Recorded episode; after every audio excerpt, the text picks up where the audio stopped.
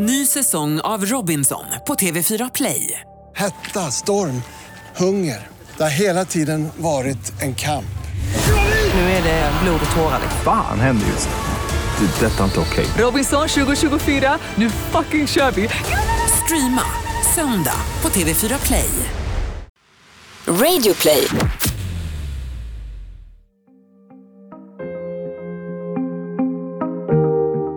De stora nyhetshändelserna drabbar oss intensivt, men efter ett tag bleknar de bort. Men för de som var där stannar minnena från dramat alltid kvar. Den här podden är deras berättelser. Julhelgen 2004 drabbas tusentals svenskar av flodvågskatastrofen i Sydostasien. Vi tvingas lära oss ett nytt ord, tsunami. En av dem som befinner sig mitt i katastrofen är Andreas Norman. Från jullovet på UDs elitutbildning hamnar han i ett helvete på andra sidan jorden. Välkommen till Jag var där, en podcast från Radio Play med Andreas Utterström och Mattias Bergman.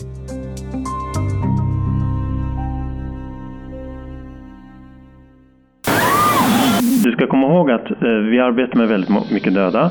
Han, han ger mig rådet då att inte se dem med ögonen. Och jag förstår inte riktigt vad han menar. Men jag tänker okej, jag ska komma ihåg det. Inte titta dem för mycket i ögonen. Den 26 december 2004, klockan 01.58 svensk tid, inträffar en jordbävning under havsytan i Bengaliska viken utanför Indonesiens kust. Det är det näst starkaste skalvet genom tiderna. Rörelserna toppar på 9,3 på Richterskalan. Jordbävningen varar så länge som 10 minuter. En kraftig jordbävning skakade i natten norra delen av ön Sumatra i Indonesien. I Aceh-provinsen längst i norr rapporteras panik har brutit ut. Tusentals människor flydde från sina hem. Så här långt är nyheten en utlandshändelse. En av alla dessa tragedier som inträffar långt från Sverige och som vi inte har så lätt att känna igen oss i. Här är vi ju förskonade från stora jordbävningar. Men under morgontimmarna på annandagen 2004 ska det korta telegrammet från Ekot sluta i en av de värsta händelserna i vår moderna historia. Havsbottnen reser sig 12 meter i jordbävningen. Gigantiska vattenmassor sätts i rörelse längs en 1200 kilometer lång linje. En tsunami bildas, alltså en serie enorma vågor som kommer att kännas tusentals kilometer. Ända bort till Afrika åt det ena hållet och till västra Australien åt det andra. Länder som Indonesien, Thailand och Malaysia sitter på första paket när flodvågen är på väg. Så många som 20 000 svenskar befinner sig just då i Thailand.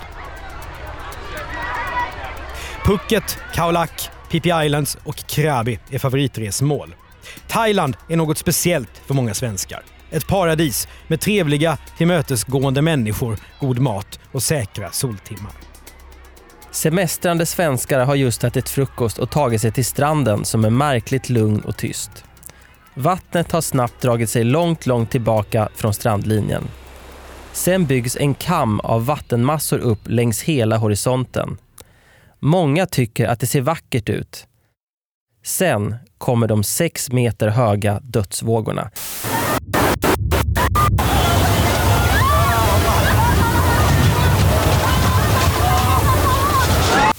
På annandagsmorgonen har drömsemestern i ett slag vänts i ett helvete utan att någon riktigt förstår.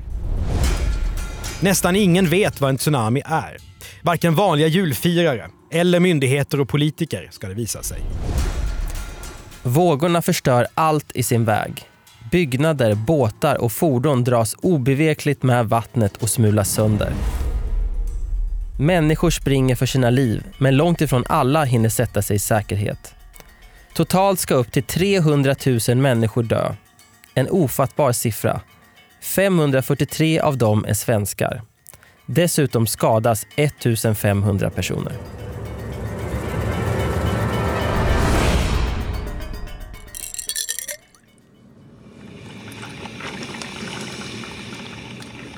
Jag heter Andreas Norman.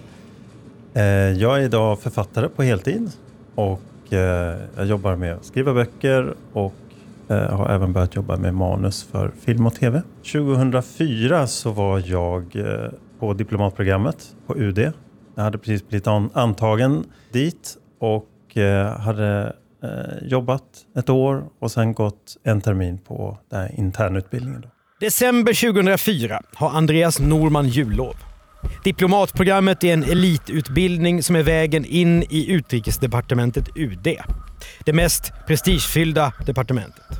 Efter skolan kan Andreas få utlandstjänst inom UD och kanske till och med bli ambassadör längre fram i karriären.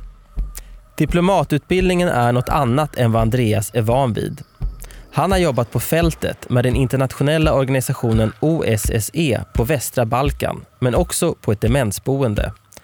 På UD fungerar allting annorlunda.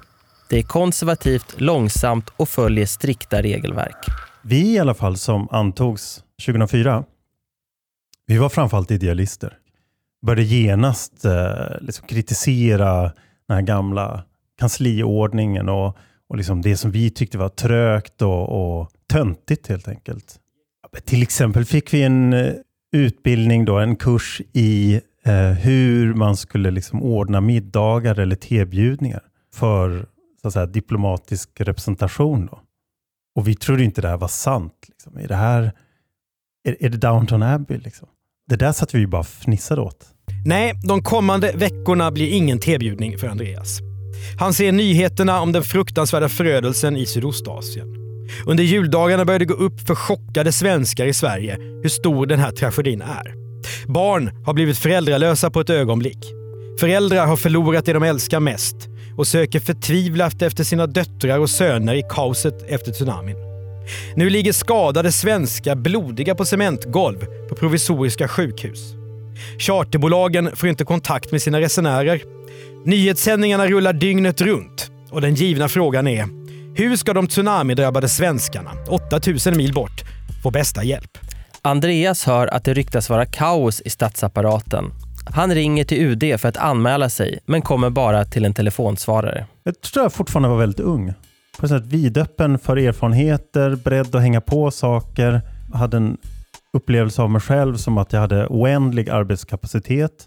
Ville vara duktig. Eh, ville vara omtyckt. Var också en person som aldrig någonsin hade satt en fot på regeringskansliet tidigare. Eller riksdagen eller någon typ av sån stor politisk organisation. Nu kommer Andreas Norman att bli en av de svenskar som får R efter katastrofen. Även om hans familj inte har drabbats direkt. På kvällen den 30 december sitter han i en bar på Södermalm i Stockholm med en kompis. Och nu är det han som får ett samtal från UD. Han ska åka till Thailand och vara behjälplig i katastrofarbetet. Andreas har aldrig varit i Thailand och han har bara gått ett halvår på diplomatprogrammet. Men det spelar ingen roll. Så jag blir väldigt paff. Men, men jag säger ja. Jag tror jag har sällan varit så nervös. Det här är en, en, en situation jag ger mig in i som jag har ingen aning om hur den kommer sluta. Det är en internationell katastrof. Och jag, jag vet inte vad jag ger mig in i. Dagen efter, på nyårsafton, får Andreas några vaccinationer och en liten broschyr om Thailand, länder i fickformat. Sen åker han och en kollega ner till Sydostasien på en snabbbokad Thai Air-flight. Det finns bara platser kvar i business class så de sitter helt ensamma på övervåningen och dricker champagne. Framme i Bangkok förvånas Andreas av att allt verkar normalt. Den intensiva storstaden lever som vanligt och naturkatastrofen märks inte alls.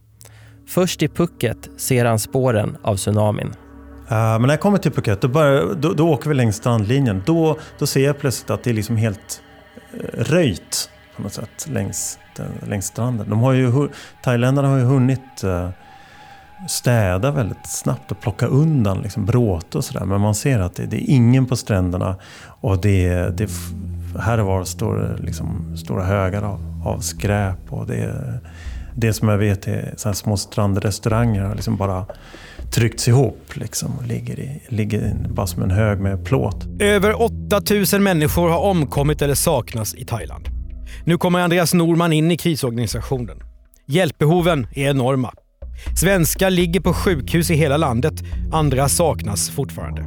Överlevande utan tak över huvudet och med alla sina ägodelar borta letar efter sina anhöriga. Listorna är långa och informationen osäker. Men så är det ju i krissituationer. Andreas Norman känner sig utvald och ställer in sig på att lösa uppgifter. Dagen efter skickas han till Krabi på Thailands västra sida. Så då sa han du, du måste ju iväg nu direkt. Jag bara säger, okej, okay, fine.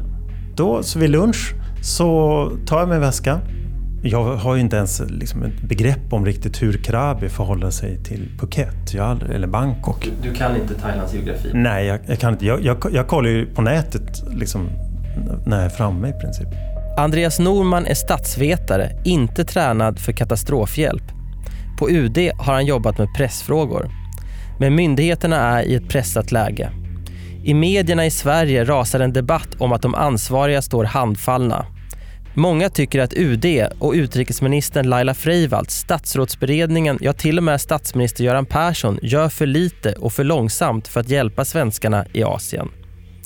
Mängder av personal, material, chartrade flyg och krisstöd måste ner till katastrofområdet. Därför är det inte konstigt att också Andreas Norman skickas. Han får nu veta att han ska hjälpa krisdrabbade svenskar i området. Exakt vad han ska göra i Krabi är ännu oklart. Jag vet ju inte att till exempel de flesta som jag eh, kommer möta kommer vara döda.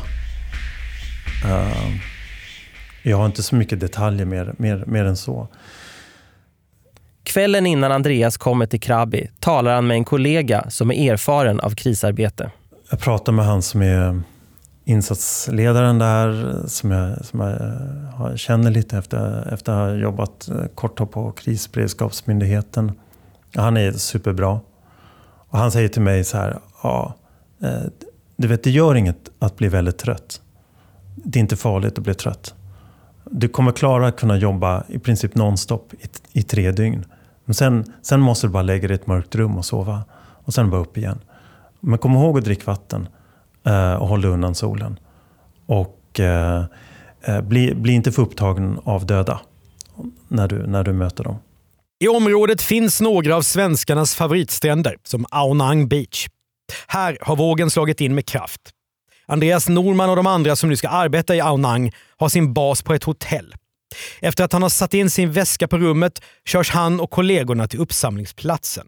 Ett tempel som munkar har upplåtit för hjälparbete. Och hjälparbetet det handlar om att ta hand om döda kroppar och identifiera dem. Ja, en blandning av eh, bårhus, eh, förrum till, till, till liksom en begravning och samtidigt liksom intensiv så här, rättsmedicinsk, eh, rättsmedicinskt arbete. Det var liksom en, en stor eh, märklig plats, eh, kanske som två fotbollsplaner, en stor grusplan eh, omgärdad av en mur. För att komma in där så var det en stor sån här kinesisk portal med, med, med så här målade pelare med, med ett lite sån här kinesiskt eh, utsvängt tak. Och den hette då Chinese Temple. Och då min kursare, han säger nu går vi in här. Och det, det var ju på den, när jag kom dit så, så var det inte någon så särskild kontroll utan, utan människor strömmar ut och in där eh, helt fritt. Man har inte på sig några särskilda skyddskläder eller, eller det, det, är ingen kontroll överhuvudtaget. Utan det, det, är mycket folk som rör sig här.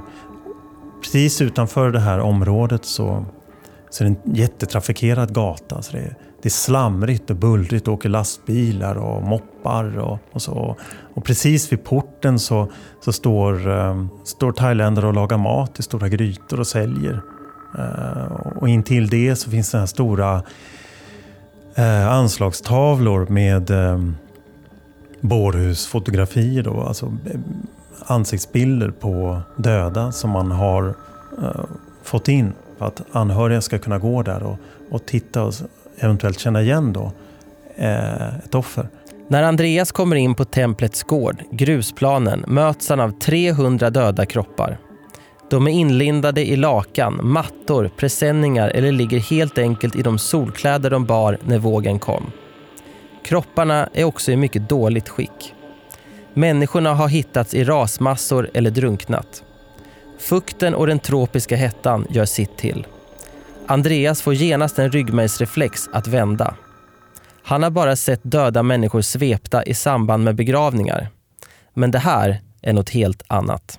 Jag vet en kollega som, som var psykolog som kom från Rädda Barnen. Han gick in på området, men han bara tvärvände och rusade ut. Och, och man höll på att svimma i princip. Eh, var nära att kräkas och, och uh, han fick liksom sån, sån fysisk panikreaktion inför allt det här. På området finns svenskar från UD, Räddningstjänsten, Röda Korset, Svenska kyrkan och Rädda Barnen. Rättsmedicinare från flera länder försöker samarbeta. Volontärer lägger all energi och viljestyrka på att hjälpa. Alla är märkbart trötta och allvarliga. Andreas Norman ska ersätta en kollega som måste tillbaka till Sverige för att han mår så dåligt. Det råkar vara en kille som går i samma klass på diplomatprogrammet. Andreas minns honom som robust och stabil i sinnet. Men det är uppenbart att han inte mår bra. Han eh, är helt manisk. Pratar oavbrutet och liksom lite så här upprymt om att de precis har varit på Phi Island som, som ligger i närheten av Krabi och Aonang. Där, där då förstörelsen har varit total. Eh, och det, var, det är också många eh, svenskar som, som var där som har dött. Och han pratar uppjagat om det och han liksom så här, säger till mig Kom, kom Andreas, kom eh, ska du få se här på, på, på bilder. Och, och så visar han mig som ett fotoalbum. De har tagit bilder för att dokumentera då. Bilder på, på stranden, på sönderslagna hus, på lik. Och han är helt avstängd och liksom blank i ögonen. Och, och skrattar helt omotiverat och, och på helt, helt enormt uppjagad. Men jag tänker att han har ju gått sönder någonstans och inte, verkligen inte frisk. Andreas Norman är lojal och väljer nu att koppla på autopiloten. Nu får han träffa sina arbetskamrater och får sina arbetsuppgifter. Eh, jag, på något sätt, jag, är inte, jag är inte beredd. Jag är inte beredd på det här. Jag tror jag är så otroligt fokuserad på att jag ska på något sätt utföra en uppgift. Och att jag kan inte åka hela vägen hit för att sen bara backa. Och för att vända om. Jag tror att jag var beredd på att stålsätta mig och var beredd på allt. Han ska hitta svenska offer, hjälpa till med identifieringen av döda kroppar. Målet är att försöka få fram rätt namn till rätt kropp så att anhöriga kan få hem sina familjemedlemmar och släktingar och begrava dem. Gruppchefen för UD, han, han är väldigt samlad, är väldigt allvarlig. Han säger till mig att uh, det här kommer bli väldigt tungt arbete för dig Andreas. Templet och grusplanen där kropparna ligger präglas inte det minsta av det lugn som brukar råda där döda kroppar finns. Anhöriga är i chock. Både europeer och thailändare söker febrilt efter försvunna familjemedlemmar. Anhöriga som antagligen behövt hjälp av psykologer eller läkare. Andreas har hamnat rakt in i något mycket oväntat. För bara en timme sedan var han på ett bättre hotell. Men han är en del av UD just för att han ska klara sådana här situationer. Andreas talar med anhöriga som står på gatan utanför templet vid de stora anslagstavlorna med svartvita porträtt av de saknade. Han stöttar dem och frågar om alla möjliga uppgifter om dem de letar efter. Har de anhöriga foto av sina saknade? Hur gamla är de? Hur var de klädda? Vad hade de för hårfärg? Hade de tatueringar eller ärr? Sedan stämmer han av informationen med de långa listorna över döda kroppar. Ett tresiffrigt nummer på en kropp ska bli ett namn. När Andreas gjort en preliminär identifiering utifrån allt han vet om personen arbetar rättsmedicinare från olika länder med tandkort och försöker matcha offer med anhörig genom DNA-tester. Andreas Norman befinner sig tio timmar om dagen bland lik. Han drar sig till minnes vad insatschefen har sagt till honom. Du ska komma ihåg att eh, vi arbetar med väldigt mycket döda. Han, han ger mig rådet då att inte se dem med ögonen. Och jag förstår inte riktigt vad han menar. Men jag tänker okej, okay, jag ska komma ihåg det. Inte titta dem för mycket i ögonen. Arbetet tar all vaken tid, men också en stor del av den tid som borde gå till sömn. Andreas Norman börjar jobba klockan åtta på morgonen med några korta möten. Sen är han på uppsamlingsplatsen och talar med anhöriga och letar bland offer till klockan nio på kvällen. Efter en middag är det dags för det administrativa arbetet med listor och blanketter. In på småtimmarna skriver Andreas sen en dagsrapport över hur arbetet går, vilka problem som finns och hur krisarbetarna mår. Som hans chef har instruerat honom. Om du inte skriver rapport kommer de inte att tro oss i vad vi är med om. Innan han somnar vid två, tre på natten kan Andreas ringa sin flickvän i Sverige. Sen får han fyra timmars sömn. Om jag sover? Ja, det gör jag. Men det är mer en slags medvetslöshet under några timmar och sen så är man igång igen. Andreas Norman och hans kollegor är inne i en bubbla av hårt arbete. De vet ingenting om diskussionen i Sverige, där det stormar kring politikerna. För att det tröstlösa jobbet att möta desperata människor och se döda kroppar hela dagarna inte ska övermanna honom ser Andreas till att vara noggrann. Alla siffror ska vara rätt, alla papper korrekt ifyllda. Det är intyg om dödsfall i utlandet, frakttillstånd, blanketter för ekonomiskt bistånd och telefonnummer. Andreas känner stolthet i att försöka göra allting rätt. Det lik som bara är ett nummer till slut faktiskt blir en människa som eh, har ett namn, en historia och som knyts till, eh, till anhöriga som kan inleda ett sorgarbete. Och eh, för mig att, att liksom åstadkomma det, det var ju att, att, så att säga, vara noggrann i alla detaljer. Slutmålet är att de avlidna ska kunna föras till Sverige i zinkkistor med militärens Herculesplan. Den 5 januari anländer de första döda svenskarna till Arlanda flygplats. Kistorna är draperade i svenska flaggor. Samtidigt försöker Andreas och hans kollegor att kämpa. Varje natt kommer nya kroppar som de ska försöka koppla till namn. Vi rörde oss allihop liksom som, som på en kyrkogård. I de bästa lägena så blir det en slags tyst solidaritet över att nu, nu, nu hanterar vi den här situationen så gott vi kan. Liksom. Andreas jobbar i vanliga gymnastikskor, tunna jeans och t-shirt. Han bär munskydd och vita latexhandskar och har en liten väska med sina blanketter och vatten.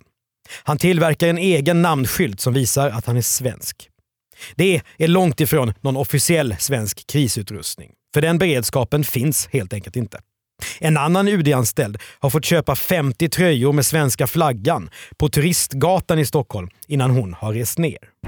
Andreas arbete är en kamp mot klockan. Det är svårt att urskilja nationalitet och ibland till och med kön på de svårt sargade kropparna.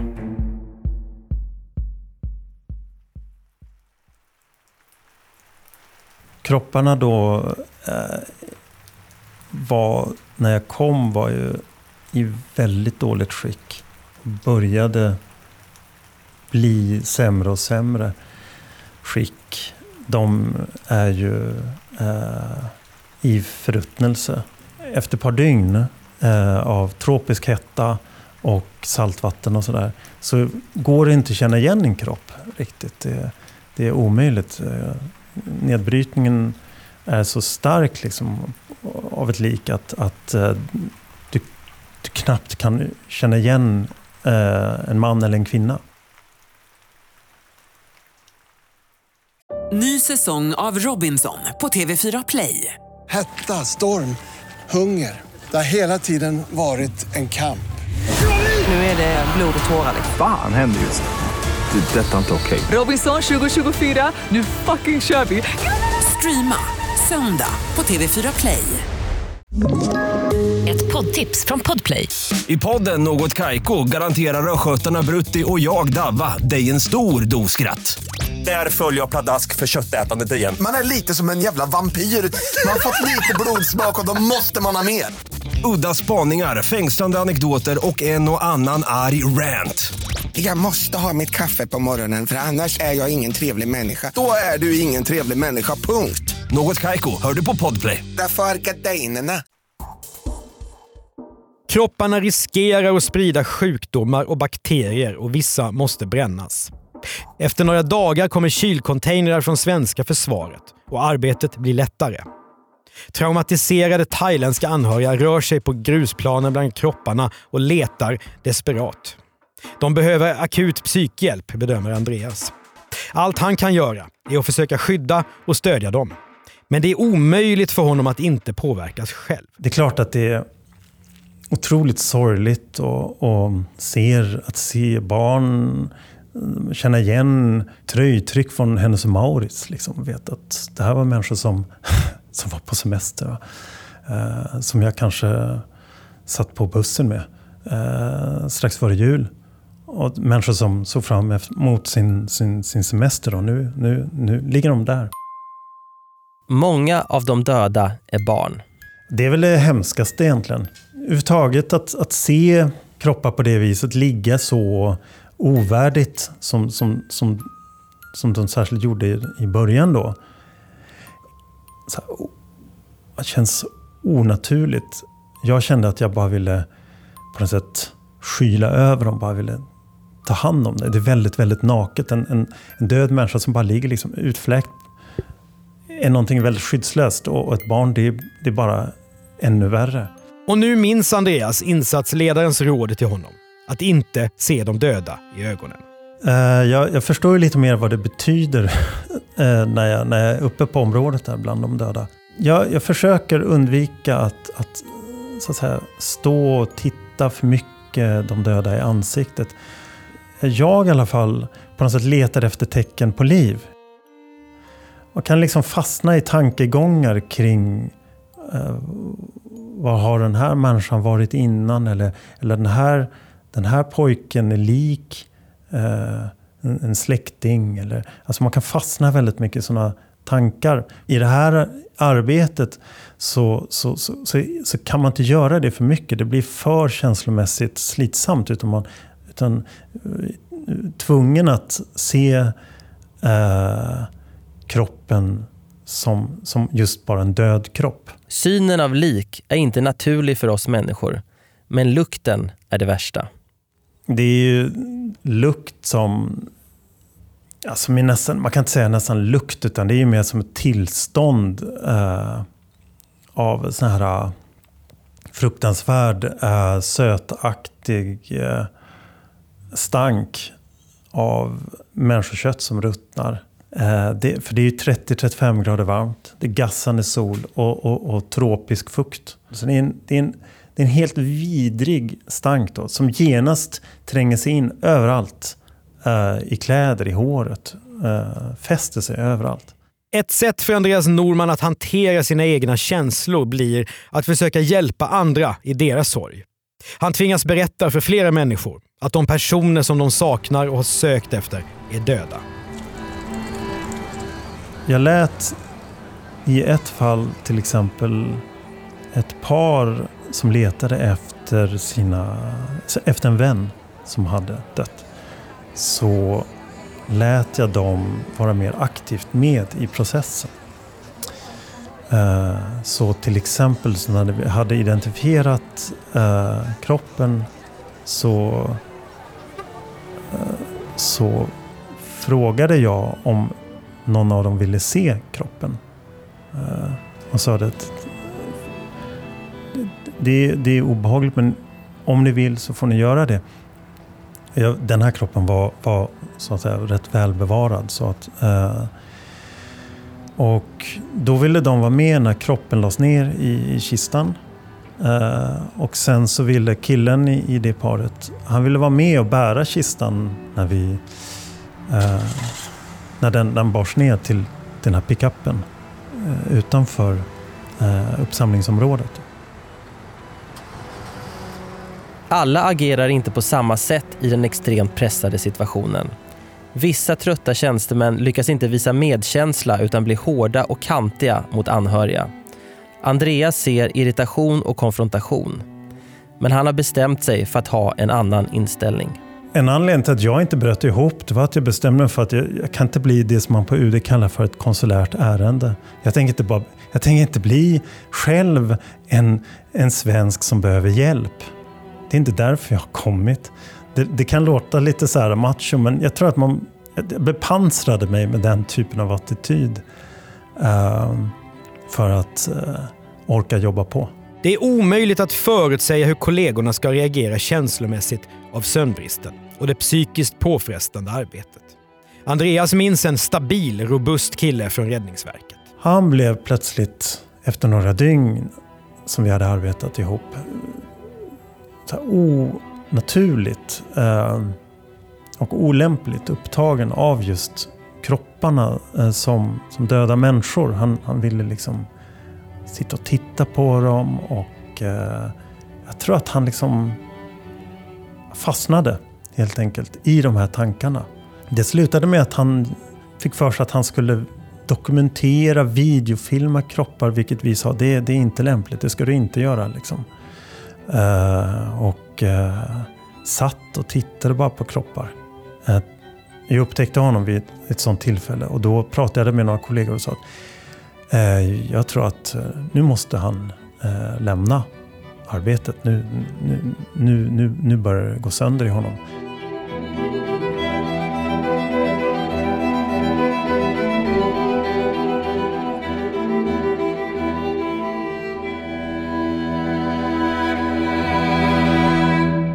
Avlidna svenskar kommer nu undan för undan tillbaka till Sverige. Liksom flygplan med ensamma överlevare och hela uttröttade familjer som klarat sig. Samtidigt jobbar Andreas Norman och hans kollegor oförtröttligt vidare i Thailand. De anhörigas behov av hjälp och vetskap försvinner inte. Nya problem som behöver lösas dyker ständigt upp. Men en förmiddag kommer en kollega från Krabi till hotellet i Aonang och berättar för Andreas att han ska bli avlöst. Det är dags att åka. Då sa jag bara, nej, nej, nej, det, det går inte. Alltså jag måste ju fixa det här och det här och det här. Och A, B, C, D, E, F. Alltså jag, kolla, allt det här måste vi ju ordna och det, det, det, det kan jag inte släppa. Jag, må, jag ska ju sticka iväg här om en halvtimme och, och jobba. Så att eh, de var ju tvungna att övertala mig att säga att Nej Andreas, du, du, du ska sluta jobba nu. Du ska packa dina grejer och åka tillbaka till Phuket. Och det kommer andra som kommer ta över din arbetsuppgifter. Du ska göra en överlämning nu. Sådär. Och jag var liksom... Jag var nästan arg. Exakt varför han blir hemkallad förstår han inte. Andreas Norman har inte visat tecken på att han inte klarar uppdraget längre. Dessutom har rutinerna för arbetet blivit bättre. Men jag, jag tror inte de tänkte att, att, att jag eh, liksom har brutit ihop, för det, det gjorde jag aldrig. Men de tänkte nog att, att eh, jag bryter snart ihop om, jag, om de inte får ut mig. Men när jag liksom skulle lämna, det var det som att jag förstod inte hur jag skulle kunna komma tillbaka till, till någon slags vanligt Sverige. Allt för en behaglig resa hittar du i vår taxfree. Efter åtta dygn i en bubbla av krisarbete är det slut. Andreas Norman landar i Stockholm den 8 januari. Kontrasten blir enorm. De flesta svenskar har aldrig sett en död person, än mindre en drunknad. Men i Sverige talar alla om annat än själva tragedin. Vem bär ansvaret för att hjälpen var så sen? Vem skulle ha ringt till vem, sagt vad och beslutat vad? Utrikesminister Freivalds får utökat livvaktsskydd på grund av hotbilden. Och till och med kungen uttalar sig kritiskt. Jag, jag tror jag var helt bedövad eh, när jag kom hem till Sverige. Eh, jag kommer ihåg att jag blev hämtad av, om det var så här, biträdande personalchefen som mötte mig och några andra som hade jobbat då i, på Arlanda. Vilket ju var ett tecken på att, att, att eh, hon stod där en sen kväll. var ett tecken på att eh, UD hade börjat bli oroliga för sin egen personal. Andreas tas emot av sin flickvän. De åker hem till henne. Vilken känsla ni visste vad du får här på Vinyl FM med de största hitsen. Och jag var liksom helt avstängd. Uh, hon hade lagat middag minns jag och uh, lax med romsås. Uh, och jag satt liksom och jag Eh, lyckades inte riktigt ens äta utan jag bara sa till slut, jag är så trött. Eller jag tror inte jag ens sa det jag är lite trött, tror jag jag sa. Och sen så... Eh, så bara la jag mig i hennes säng. Och sov 20 timmar. Men det är bara början på den fysiska delen av hans återhämtning. Andreas är väldigt allvarlig. Han har kort stubin och blir plötsligt arg. En morgon så, så tyckte jag att det luktade vidrigt i hela lägenheten och så, och så, så frågade jag vad fan är det som luktar? Uh, då hade hon lite mogna bananer där. Och då utlöste det väl en, en då, så här lukthallucination hos mig. Jag tyckte hela lägenheten luktade lik. Alltså, du måste ta bort de där bananerna. Liksom. Och blev jättearg och jätteupprörd. På, på oproportionerligt sätt. Andreas Norman drömmer mardrömmar om kroppsdelar och döda.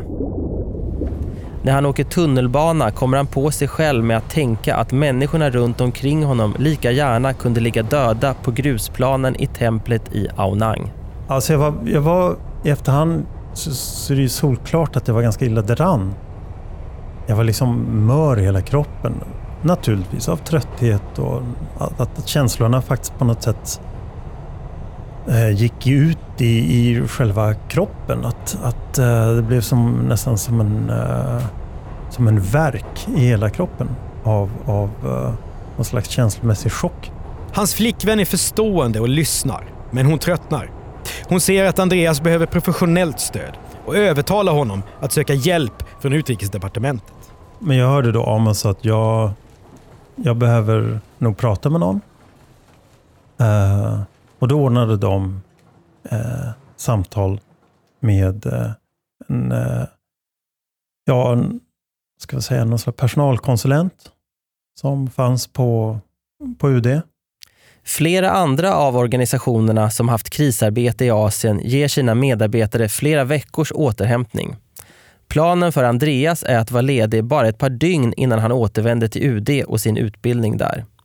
Mötet med personalkonsulenten som brukar arbeta med ledarskapsutveckling i organisationer blir inte alls vad han behöver. Så då, då fick jag ett samtal som var väldigt eh, eh, frustrerande för mig.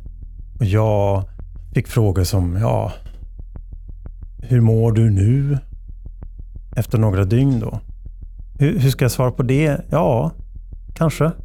Så då ringde jag igen och då sa, sa jag att eh, alltså det här samtalet var bara löjligt som jag haft.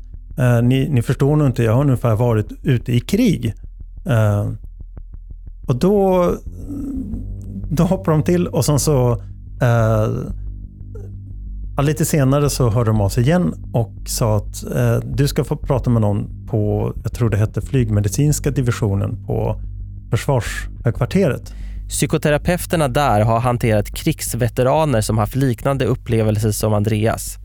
Han får tala med en man som själv varit i Krabi efter tsunamin och förstå vad han har varit med om. Få andra i Sverige kan greppa Andreas erfarenhet. Men han, han liksom fick mig på rätt köl kan man säga, på, på väldigt kort tid. Jag träffade honom bara en eller två gånger, men, men även bara det räckte för att jag skulle förstå att jag är inte galen. Eh, de här eh, ja, hallucinationerna, så här, det, det är helt normalt. Det är kroppens och psykets sätt att liksom reagera på en chock och att jag har kanske blivit lätt traumatiserad, men att eh, det kommer också läka ut. Liksom. Och att jag, som han också sa, eh, att, att jag ska vara stolt ska vara stolt över mitt arbete.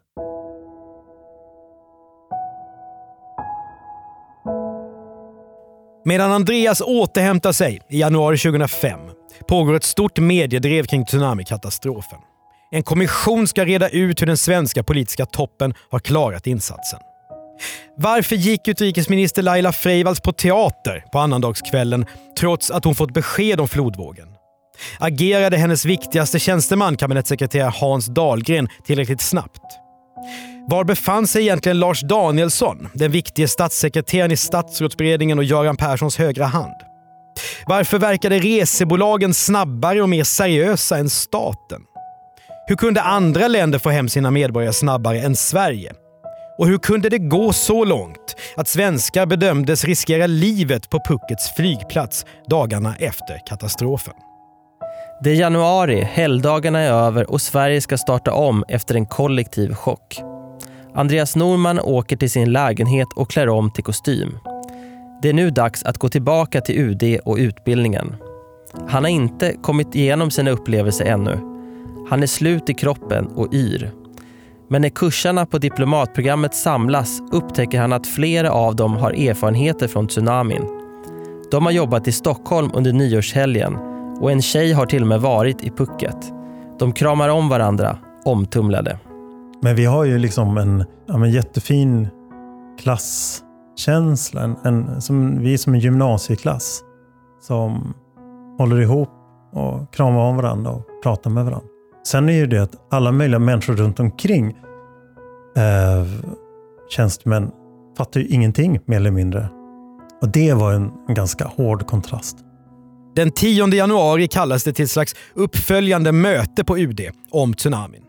Alla, från utrikesministern ner till de unga som varit på fältet i Thailand, ska diskutera hur arbetet har gått. Andreas har bara varit hemma någon vecka, men deltar ändå. På UD finns detaljerade sociala koder som styr hur möten går till. De viktigaste ska sitta centralt i rummet och som junior bör Andreas Norman sitta långt ifrån dem. Men som nyanställd kan han inte reglerna och han är fortfarande omskakad.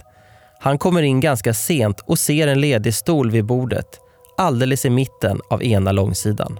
Och sen så kommer eh, personalchefen och utrikesministern då, Laila Freivalds, kommer in och så sätter hon sig då rakt mitt emot mig.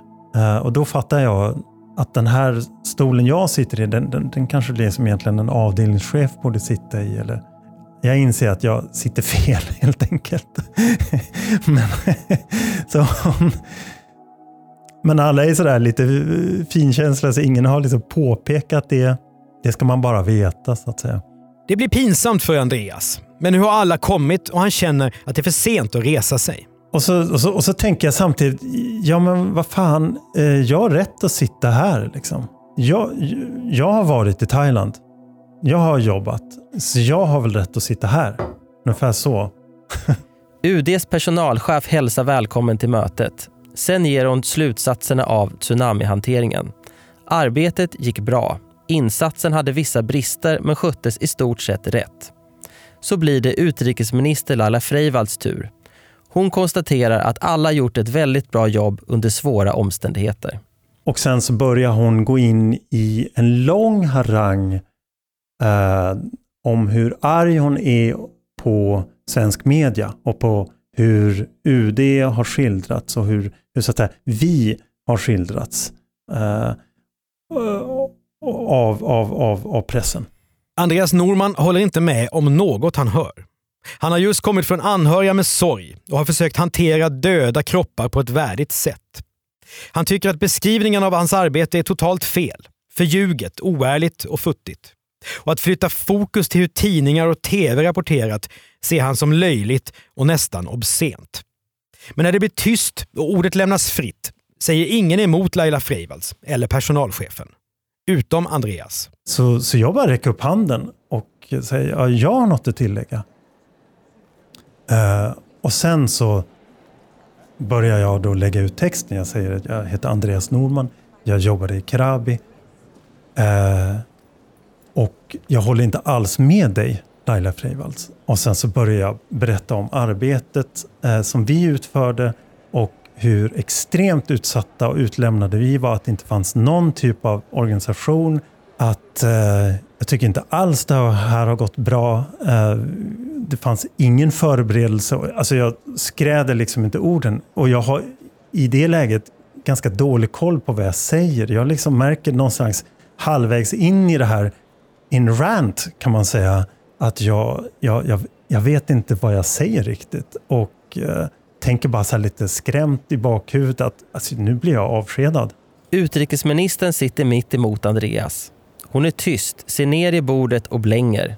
Stämningen i rummet är usel. Adrenalinet rusar i Andreas och pulsen bultar. Men då, då, då börjar andra räcka upp handen. Eh, kursade till mig, som en tjej som var i Phuket minns jag, började också då oförberett och, och, och liksom eh, med, med många ord berätta ja, men vi jobbar i Phuket och så här funkar det då. Det var inte alls eh, sådär eh, som du beskriver. Då. så, så det var flera som liksom började prata då.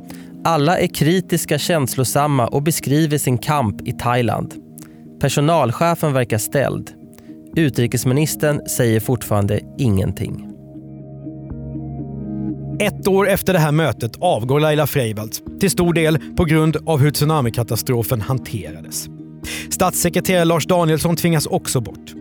Bandinspelningar av hur de ansvariga i Rosenbad kommunicerat med varandra under de kritiska dagarna i december 2004 gör att kabinettssekreteraren Hans Dahlgrens karriär räddas. Förtroendet för utrikesdepartementet har skadats svårt. Och Andreas Norman tycker att insatsen kunde ha skötts annorlunda. På UD är man van att agera långsamt och samla in så mycket information som möjligt om en händelse innan man fattar beslut. Det är ett sätt att inte slösa med skattebetalarnas pengar. Men i flodvågskatastrofen hade svenskarna kunnat få bättre hjälp snabbare om hela insatsen lagts upp på ett annat sätt.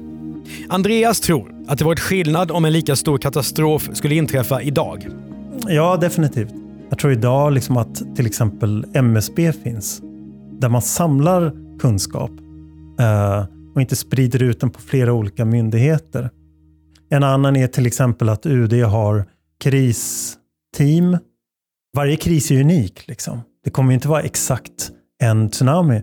Men i det här läget, då hade man behövt jobba mera som eh, riktiga krisorganisationer arbetar, som, som militären arbetar. Eh, man arbetar utifrån ofullständig information och fattar ändå snabba beslut.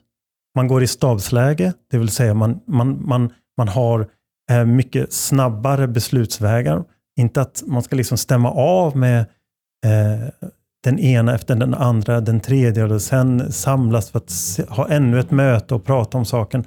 Utan man har eh, snabba beslut och tydliga mandat för de som, som ska, ska säga, utföra arbetet. Andreas Norman går klart diplomatprogrammet.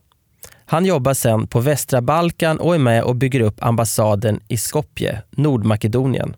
Sen arbetar han med terroristbekämpning, gör analyser under den arabiska våren och slutar som vicechef på ambassaden i Vilnius i Litauen. Sen lämnar han UD och blir författare, bland annat till en bok som handlar om hans upplevelser av flodvågskatastrofen. Idag drömmer Andreas inte längre om veckan i Aonang. Men minnena kommer naturligtvis aldrig att lämna honom. Jag märkte till exempel att när jag skrev min bok 9,3 på Richterskalan, så, eh, som ju handlar om mina upplevelser och hela tsunamikatastrofen, så då började jag få såna här luktminnen. Då började jag plötsligt eh, känna eh, likstank igen. Just, just i, i sådana här lägen när, som kunde bli, eh, här, där lukten kunde bli utlöst av, av eh, till exempel lukten av eh, så väldigt eh, starka liljor till exempel. Eh, övermogen frukt, eh, skämt kött och sånt.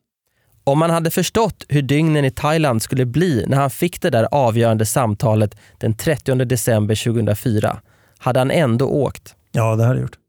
Absolut.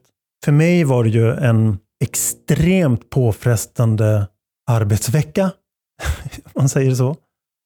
Eh, men jag, men jag gjorde skillnad. Jag hjälpte människor. Jag är stolt över det.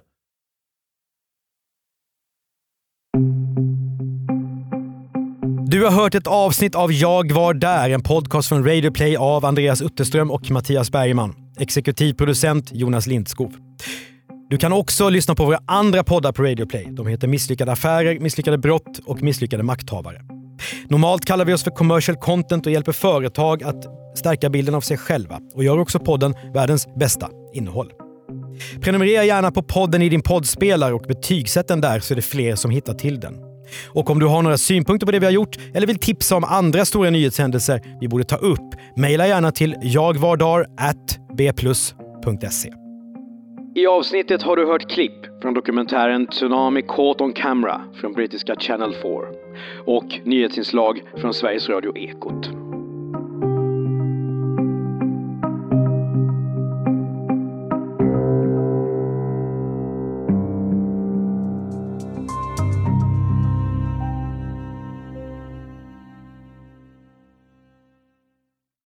Ny säsong av Robinson på TV4 Play. Hetta, storm, hunger.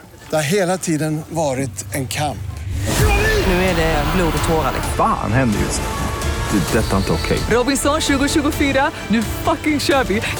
Streama söndag på TV4 Play.